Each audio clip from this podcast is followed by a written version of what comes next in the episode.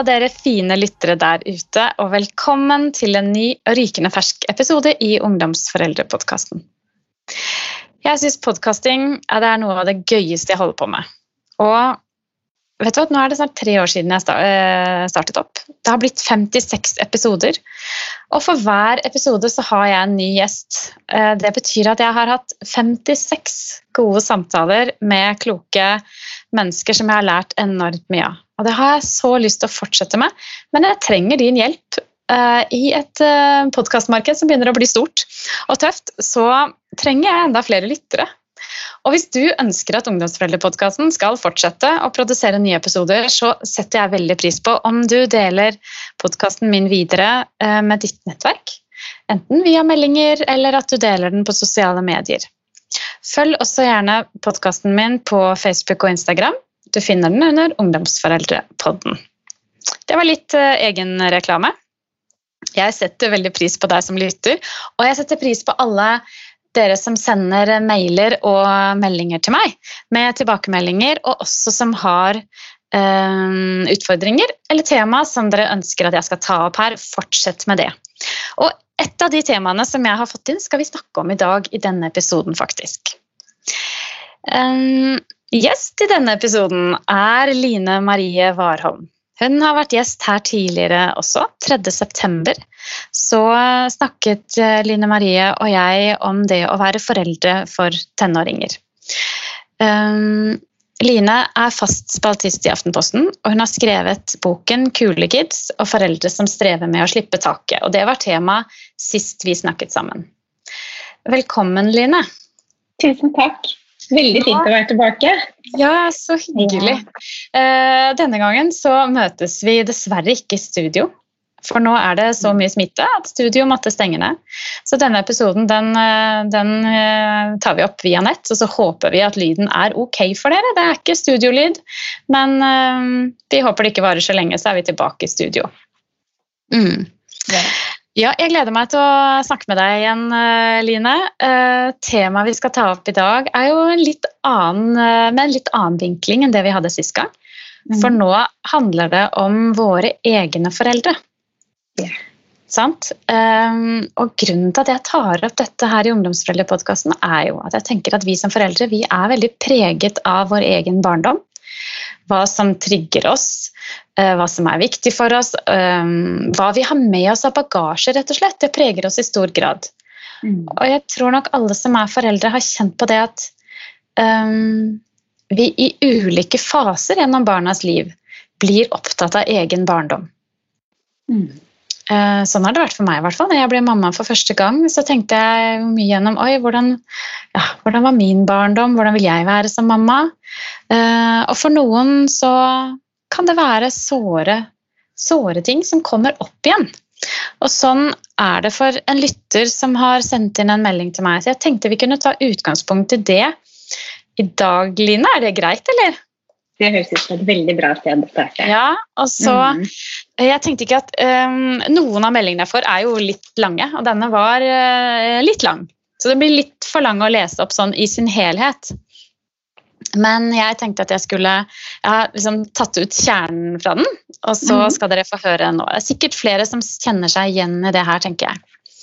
Det er en uh, mamma som sender denne mailen til meg, som forteller at hun hadde på mange måter en utfordrende oppvekst. Foreldrene hennes ble skilt da hun var ti år gammel. Og i forkant av det så hadde det vært år med mye turbulens og krangling. Hun og de to søstrene hennes hadde fått veldig mye kjærlighet, men foreldrene hadde så mye egen bagasje at det var litt begrenset med kapasitet til å lytte og være der og møte jentene på en god måte. Hun hadde kjent på mye ensomhet i oppveksten.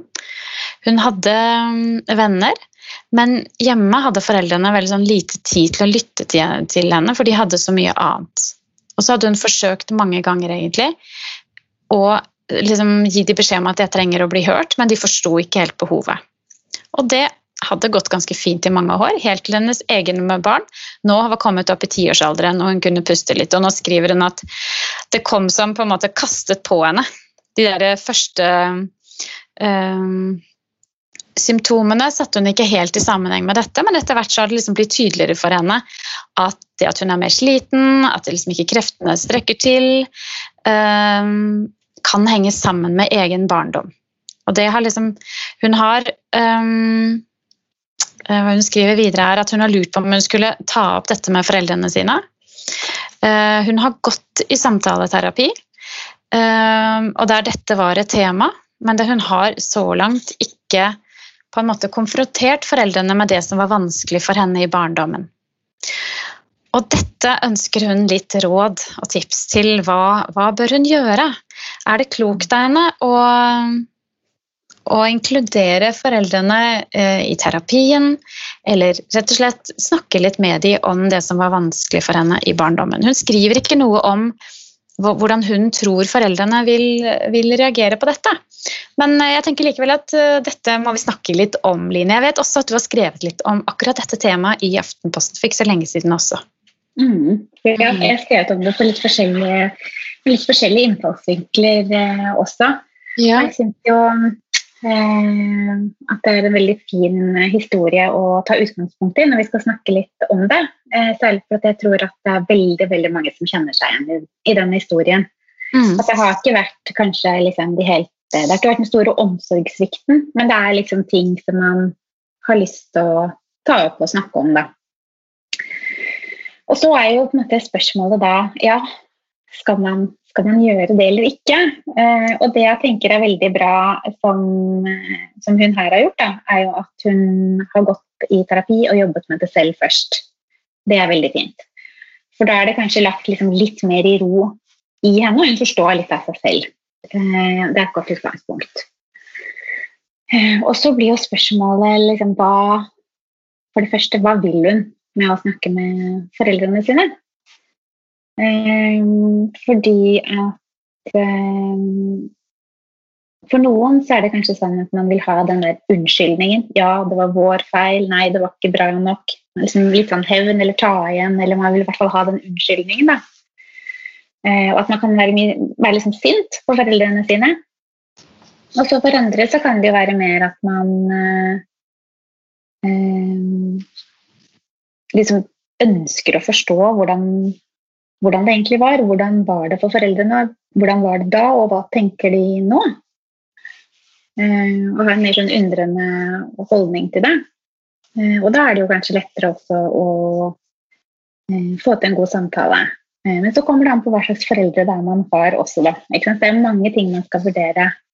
Mm. Eh, og Derfor så finnes det jo ikke noe fasit på om man skal konfrontere foreldrene sine eller ikke. Det finnes ikke noe fasit på det, men det er en del ting som jeg tenker er lurt å tenke gjennom før man starter et sånt prosjekt.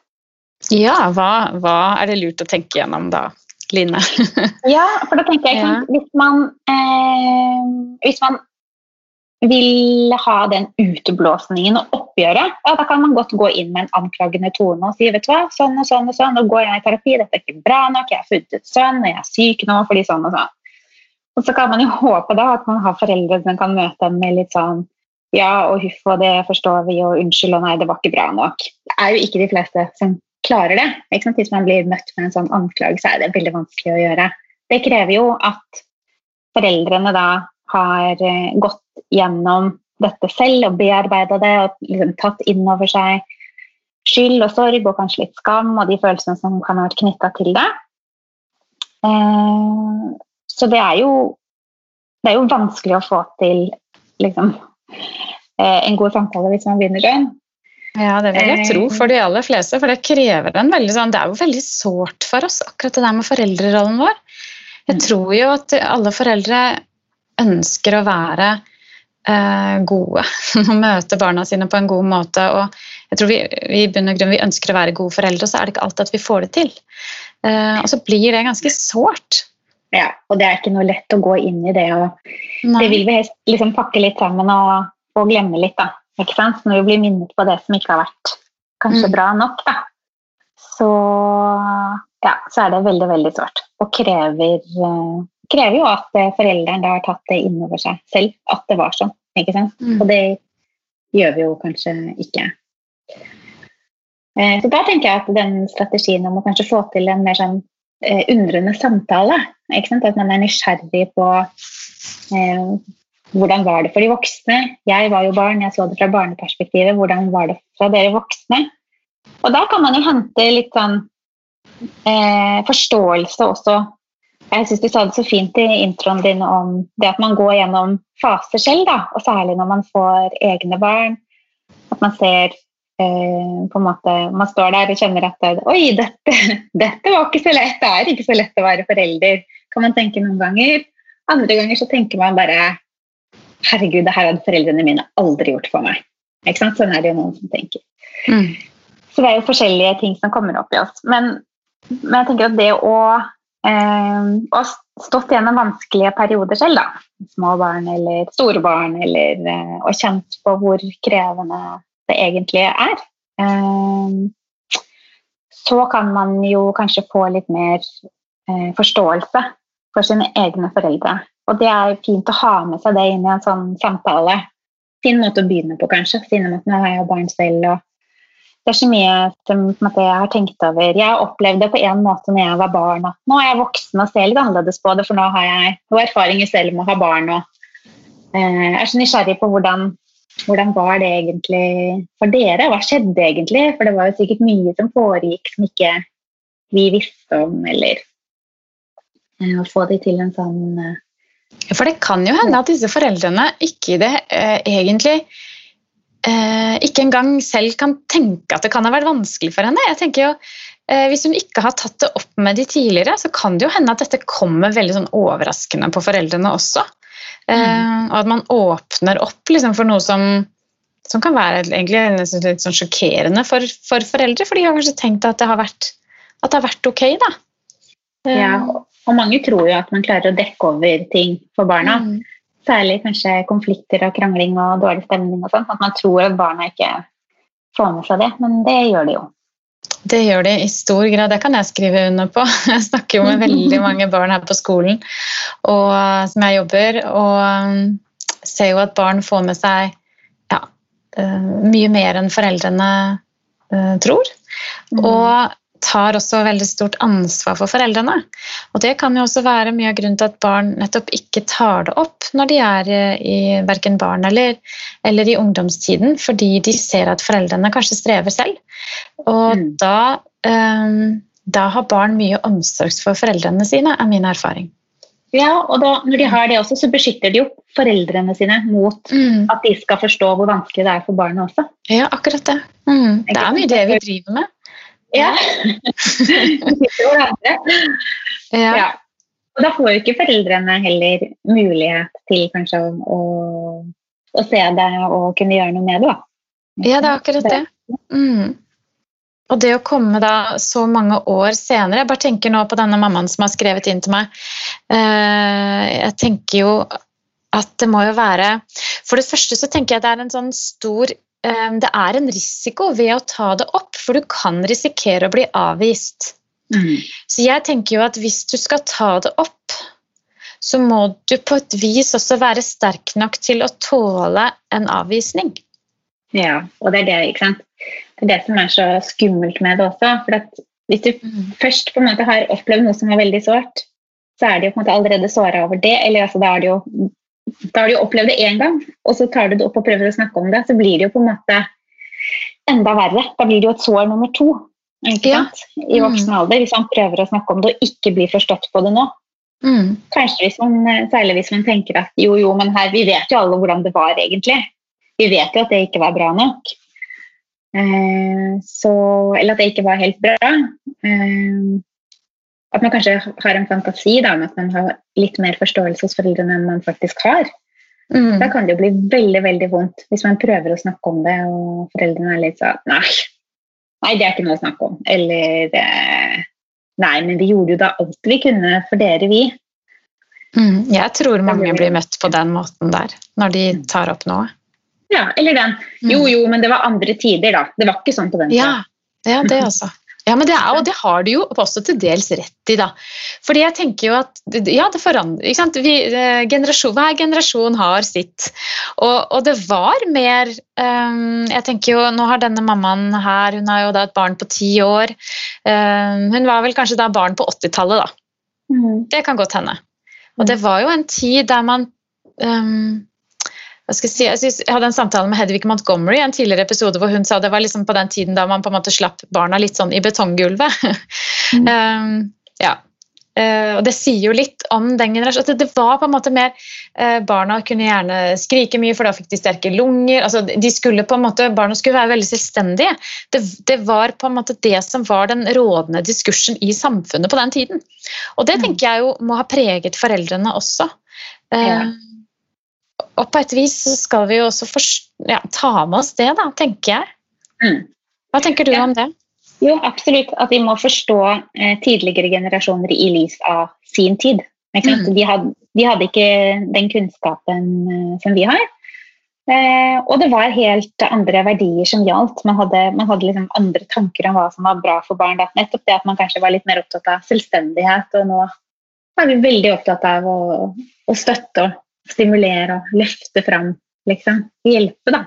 Ja, så jeg, jeg, kan tenke meg at mange av de som er foreldre nå, og som vokser opp med den, eh, den både den kunnskapen vi har nå, og, og de, eh, de, si, de, rådende diskursene vi har nå, hvor vi skal ivareta barna emosjonelt det, det, går jo egentlig nesten andre veien. Eh, det gjør jo det.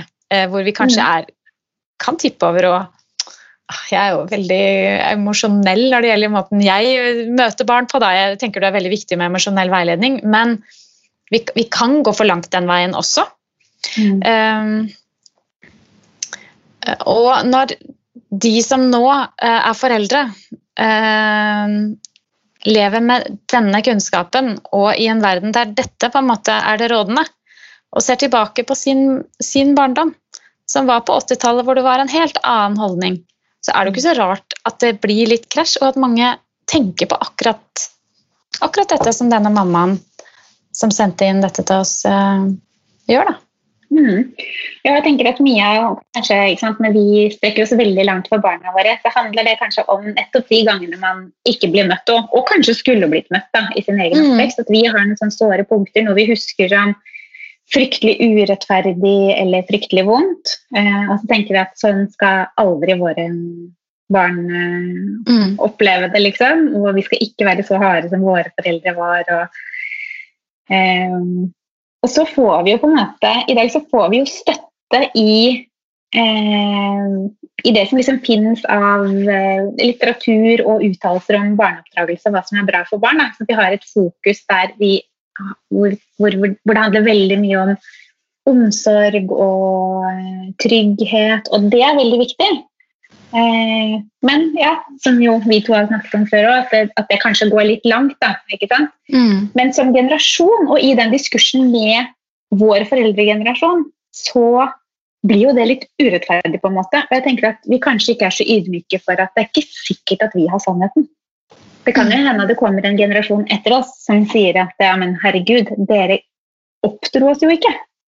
Altså, Det var jo bare bomull i den oppveksten. Jeg, klarer, jeg får ikke til noen ting i livet mitt. Dere har jo ikke lært meg noen ting. Jeg klarer jo ingenting. Ikke sant? Det er ikke usannsynlig i det, Line. For det er gjerne sånn at vi slår liksom kontra av det vi selv har eh, ja, vokst opp med. Mm. Så det er ikke usannsynlig. Og egentlig så er det jo litt det du skriver om i boka di òg, tenkte jeg nå. Litt dette med at foreldre nå kanskje kan liksom streve litt med å slippe tak og holde, holde barna litt for tett inntil seg. Um, mm. Mm. Ja, ikke sant? Og det er ikke sikkert at det er riktig heller. Nei, nei. Men når vi konfronterer våre foreldre, ja. så er det nok mange av oss som liksom tenker at, uh, at, at, vi vet hvordan det skulle vært, og de visste ikke. Det de gjorde, var feil. Mm. Uh, så det kan man jo ta med seg inn i en sånn samtale og være litt sånn ydmyk for det. Ja jeg tenker jo at Det er mye som kan sies hvis man sier det på en god måte. Da. Det handler jo utrolig mye om det. tenker jeg. Hvis, hvis det er lyttere der ute nå som vurderer liksom om de skal ta opp dette med, med egne foreldre, så, så, er jo det veldig viktig hvordan man gjør det. Og at man kanskje går noen runder med seg selv og, og har noen samtaler med andre og ja, finner en måte å gjøre dette på som, som ivaretar skal jeg si, verdighet og respekt. Det er, liksom, det er, er veldig viktig. Ja, det er kjempeviktig. Mm. Ja, veldig, veldig viktig. Og, ehm, og, det å på en måte altså huske på at eh, det er aldri for sent å dømme noen og bli sint. Sånn at man må ikke gjøre det med en gang. Man kan vente litt og høre på hva de har å si først. Eh? Og det å gå inn i en sånn samtale da med, eh, med en sånn nysgjerrighet og forsøk på å leve seg inn i hvordan det var. Og stille mange spørsmål kanskje istedenfor å komme med sin historie først. Da. Man stiller noen spørsmål eh, som gjør at, eh, at, foreldrene kan åpne seg. Da. Sånn som hun, hun, hun som hadde sendt brev til deg som lurte på om hun skulle konfrontere sine foreldre. At hun kan jo begynne med det og høre liksom hvordan var det egentlig? Og, eh, mm. Det kan jo ikke ha vært så lett for dere. Det var jo kanskje ikke så vanlig å gå fra hverandre da. Dere må ha vært veldig bekymret. og eh, Vi så jo at, eh, at det kanskje var litt mye for dere av og til. og hvordan, Hva var det egentlig? Altså Stille litt sånne spørsmål og få den historien. For det gjør jo også mye med eh, vår mulighet til å kanskje tilgi eller godta, akseptere at det ble som det ble. Da. Hvis vi får, eh, får høre hvordan det egentlig var fra, mm. foreldre, fra, foreldrene våre, at de kan fortelle om det. Hvis man mm. da får en fortelling om kanskje en del dårlig samvittighet og skyldfølelse og mye vansker, eh, så gjør det også noe med eh, vår opplevelse av det. At det er også lettere for oss å slippe tak i det og, og godta at ja, det skjedde. Det var en vanskelig tid. Eh, derfor ble det som det ble. Det var vanskelig for meg. Ja. Folk gjør feil. Liksom. Hun har jo gjort noe veldig klokt tenker jeg, i, i, å gå og ta tak i dette selv først. Mm. Og gå til samtaleterapi. tenker jeg, oh, yeah, det, det, er lurt. Eh, gå først liksom, den runden med deg selv og se hva dette egentlig handler om. Eh, for det blir man mer klar over når man får snakket med andre om dette og, ja, og, og sortert litt, rett og slett. Eh, da tror jeg man har større forutsetninger for at det blir en, et godt møte da, med foreldre, hvis, det, hvis man bestemmer seg for det. Ja, enten om det da er liksom noen profesjonelle, eller med partneren sin, eller venninner, eller Men at man har satt en del ord på det og fått liksom støtte. For da kan man ta ut de følelsene av å være sint og lei seg, gråte litt og få liksom ordentlig støtte på de følelsene før man går inn i det med foreldrene sine. Da. Så slipper man, for Hvis man går inn og vil ha liksom støtte på sin versjon, så er det ikke sikkert at, at man har foreldre som uten videre liksom kan hoppe inn i den rollen mm. og både få den anklagen og være den forståelsesfulle og trøstende. Ja, For det krever ganske mye, det, tenker jeg. Mm. Det gjør det. Eh, jeg har også Jeg tenkte på det at hun, eh, hun skriver jo her i denne mailen at hun At foreldrene hadde mye egen, egen bagasje, tenker jeg. Ja. Og det gjør at jeg tenker at hun kanskje har vært en av de som har beskyttet foreldrene sine og tatt vare på de. Mm. og da tenker jeg jo at det kan være nesten enda vanskeligere å ta opp en sånn ting med de, fordi man tenker at da, da sårer man de. Mm. Da, da, kan Ja, og det Det, det derre at vi beskytter foreldrene våre, det tror jeg ikke, det tar ikke slutt selv om vi blir voksne. Um, mm. Jeg tror vi fortsetter med det. Og det kan være veldig, veldig, vanskelig å bære da, hvis det kommer en mm. sterk reaksjon hos foreldre.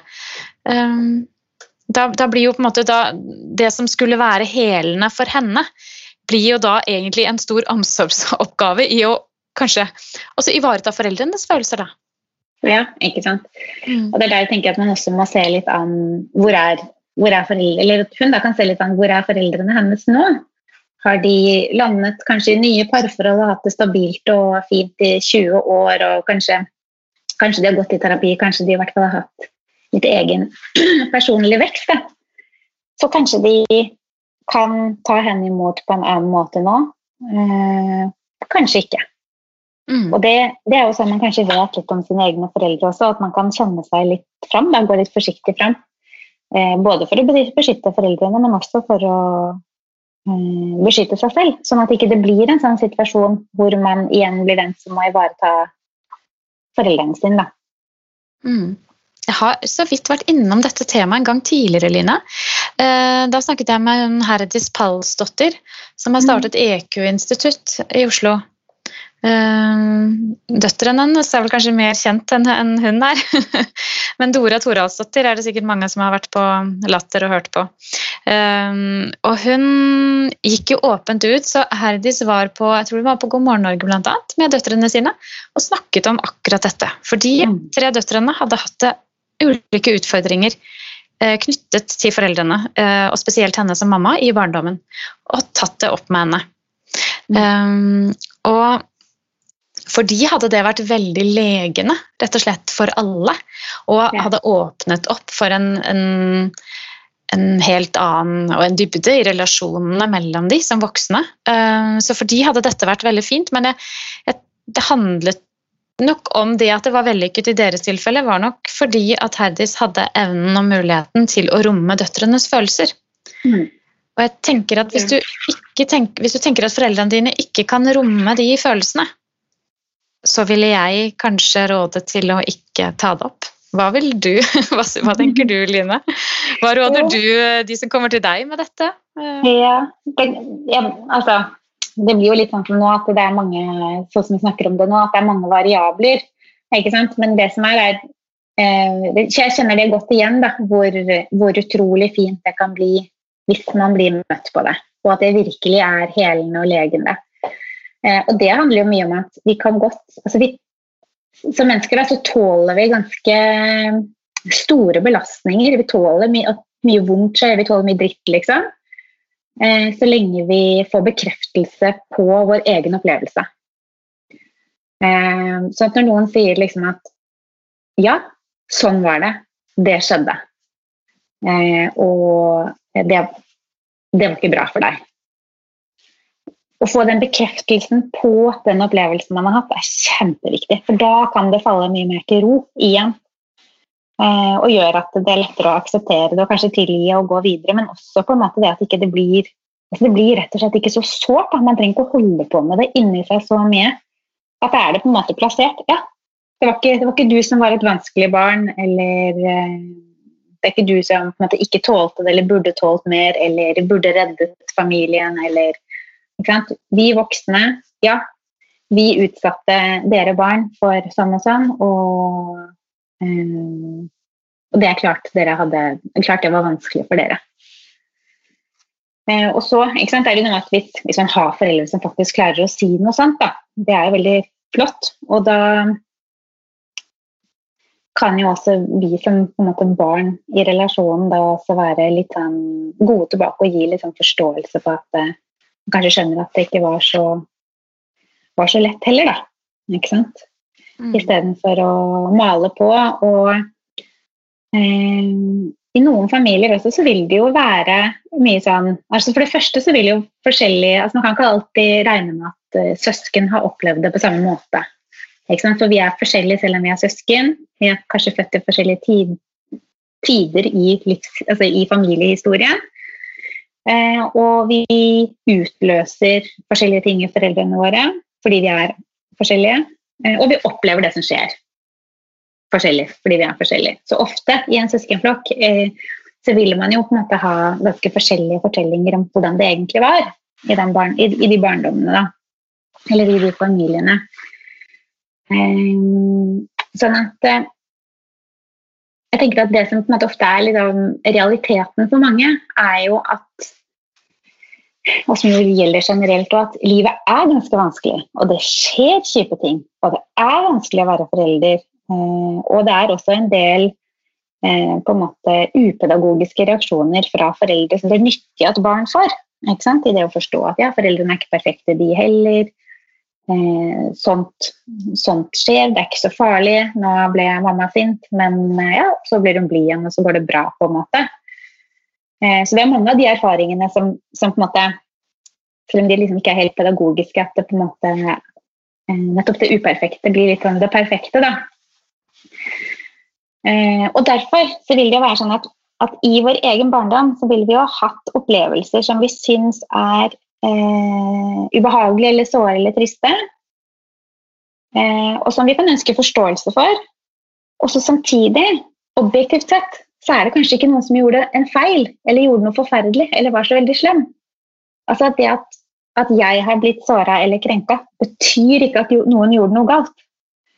Så jeg tenker at Det er også en sånn veldig god holdning å gå inn i det med hvis man skal konfrontere enten foreldre eller også dra søsken og begynne å liksom snakke om ting som har vært. Da.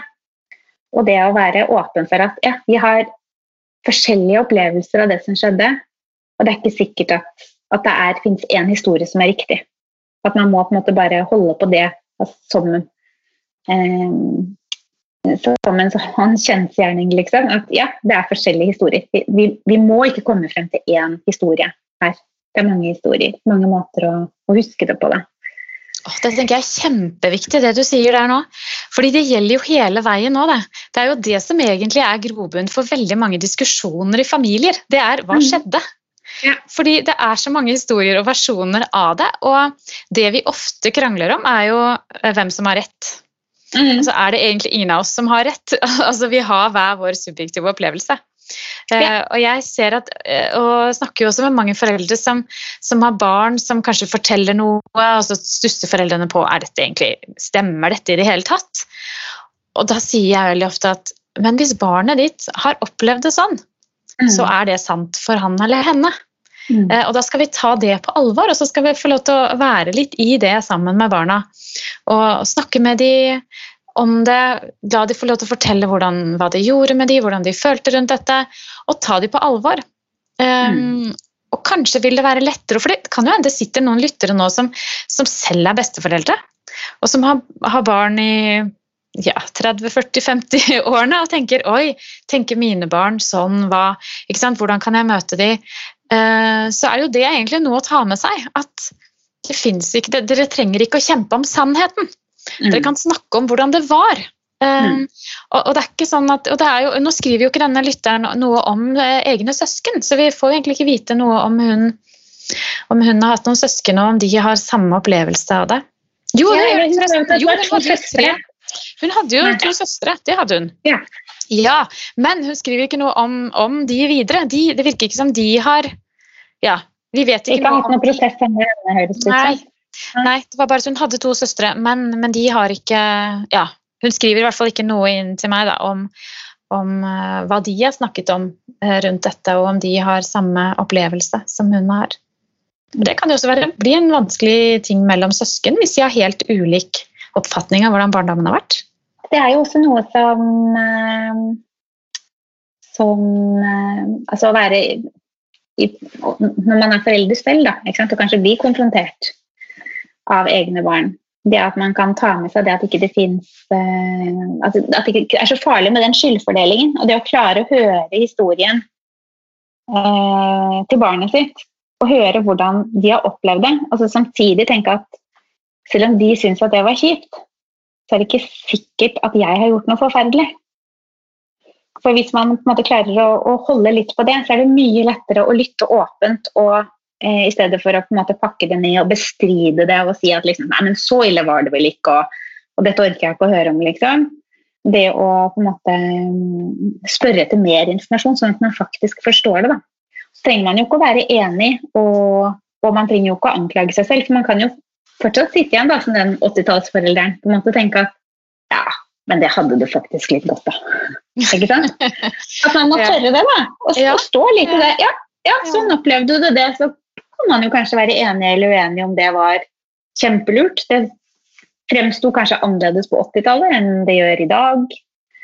Eh, men at man kan lene seg litt sånn tilbake i forhold til det. Dette er kjempevanskelig, da, for det er veldig, veldig såre temaer. Ja, for da, da, måtte man i hvert fall um, ha begynt med en stor grad av forståelse, tenker jeg.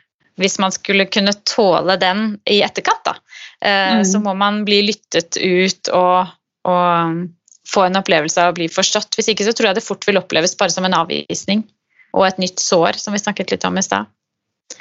Ja, hva tenkte du nå hvis Jeg tenkte hvis foreldre, hvis foreldre sier det, da, at eh, du, vi er ikke enige, på en måte. Det mm. der burde du ha tålt, f.eks. Ja, det blir et nytt sår. Ja, det blir veldig fort et nytt sår. Hvis vi, vi må i hvert fall da begynne med forståelsen og ja, og være litt, som du sa litt innledningsvis, det må være litt nysgjerrig, da. Eh, ja, og litt undrende, for da kan man også liksom, gå inn i en, en, en, samtale med barnet sitt også om ja, Sånn tenkte vi da, sånn tenker man i dag. Eh, jeg vet ikke om jeg er sånn helt enig i alt dere gjør. Så det er jo kanskje ja, det er en generasjonsforskjell, på en måte. Eh, at det er mange måter å si det på. Eh, og man behøver jo ikke å si det heller. Jeg tenker at Det viktigste i en sånn samtale er, eh, hvis man sitter liksom i foreldrerollen, da, at man, at man kan kjenne det inni seg. At selv om mine barn syns at det var forferdelig, og i lys av Eh, liksom, hvordan man tenker om eh, barn i dag, ja, så fremsto det kanskje ikke som helt bra, da. Men jeg, altså, jeg står for det. Altså, man kan tenke litt sånn inni seg. Ikke sikkert det er så lurt å si det til barnet sitt, Nei. men hvis man, kan liksom tenke litt det At man ikke bare kjøper den der at ja, sånn vi tenker om barn i dag, at alt skal være mykt, eh, det, det, blir ikke, det, blir jeg ikke, med på, liksom. Eh, men at man kan liksom ja, ikke altså Man kan tenke at ja, nå kommer barna mine og snakker om dette med meg. De er farget av den tiden de har vokst opp i. Jeg er farget av den tiden jeg har vokst opp i. Vi er forskjellige, det er ingen som har fasit. Hvis man klarer, altså Det er veldig vanskelig, men hvis man klarer å tenke litt sånn inni seg, og ikke være så redd for å bli angrepet på det, eh, så er det jo lettere å være nysgjerrig på barnets opplevelse. Da lytter vi jo mer når vi er litt sånn trygge på oss selv.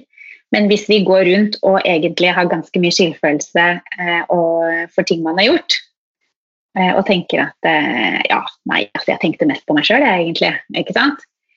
Eh, da er man jo mye mer sårbar for den type anklager også, fordi at man vet at det egentlig var litt sant. Mm. Kanskje vet man at ja, jeg holdt på å krangle med, kranglet med mannen min, liksom, men jeg hadde ikke kapasitet til å se de unge om de var våkne eller sov, eller det tror jeg ikke jeg hadde oversikt over, og det var jo ikke bra, liksom. Altså Hvis man sitter igjen med en sånn opplevelse, eh, så, så, er det jo vanskeligere å bli kritisert. Jo, jo, jo, tryggere vi er på det vi har gjort, jo mer kan vi jo også være åpne på at eh, ja, så var det en del ting som ikke var så bra, liksom. Eh, og det kommer jo an. Det handler jo også om hva slags personlighet man har, og hvor trygg man er på seg selv generelt. Mm. Så dette, det fins ingen fasit her, tenker jeg da. Jeg vet ikke om denne lytteren har blitt noe klokere, men vi har nå i hvert fall hatt litt betraktninger rundt dette. Og at det mm. avhenger av så mange faktorer, både egne opplevelser og ikke minst også ja, og, og, foreldre. Hva de ja, eh, hva ja, de evner. Og så, og så tenker jeg jo at ikke sant, mm. sånn, hvis, hvis, man får til noen gode samtaler, eh, så er det så veldig store gevinster.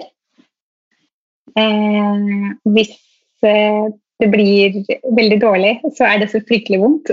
sånn at det er jo eh, det er jo risikosport å gå inn i det. Mm. Desto viktigere at man eh, ja, tenker seg nøye om og, før man gjør ja, det, tenker jeg. Ja, mm. og lager en plan og går inn med liksom, så lite anklager som mulig. Mm.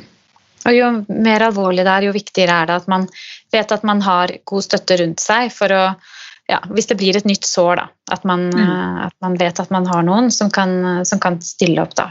Det er ikke ja. bare vi som er opptatt av dette om dagen, eh, Line. Jeg ser at det skal være faktisk Det kommer et eh, stykke på Nationaltheatret nå om et par uker som handler ja. om denne tematikken, som heter 'Etter stillheten'. Mm. Mm.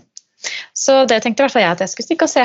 For det, det kan være interessant. Mm. Ja, det er spennende. Det var, hva slags uh, ja. ja.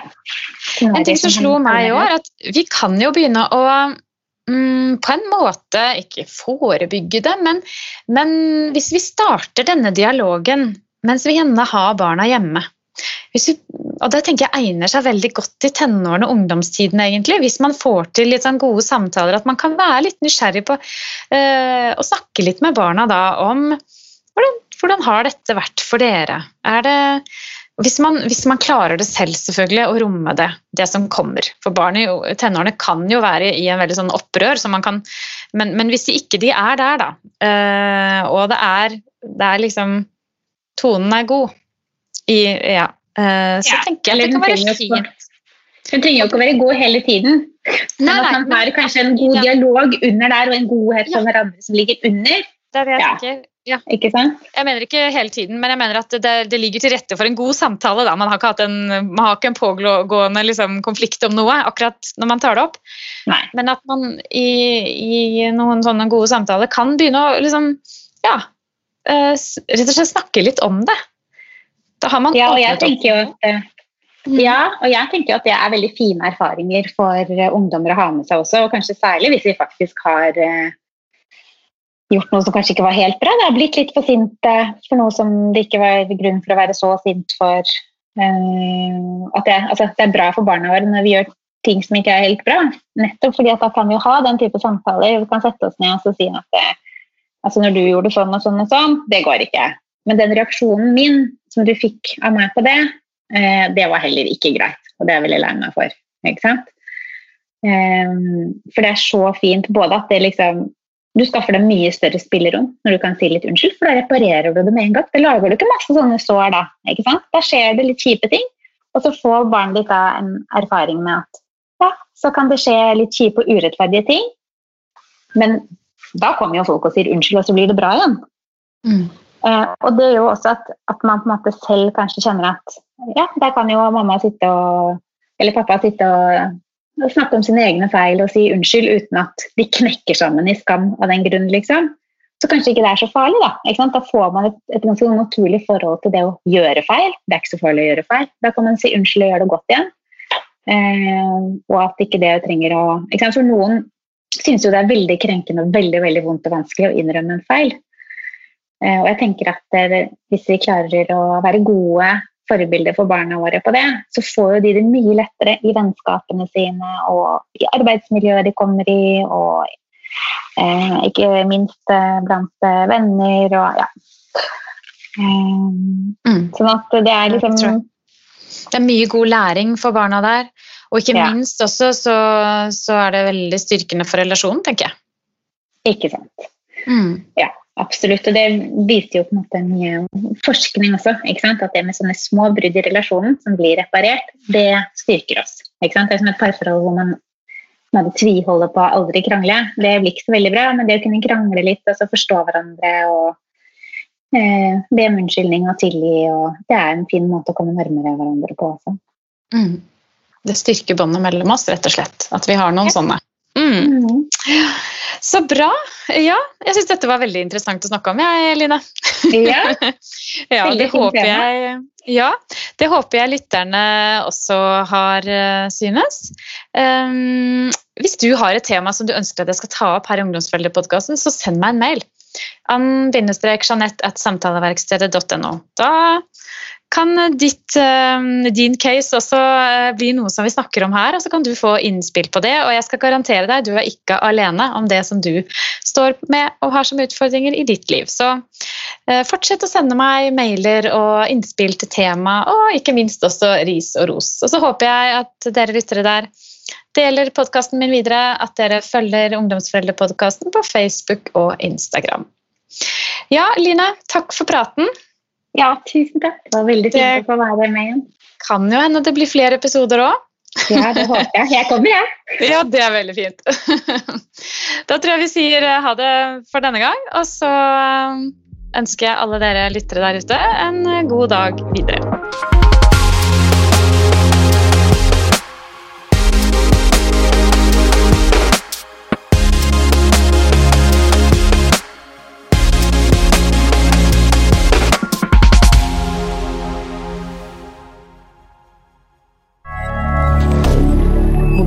Canada.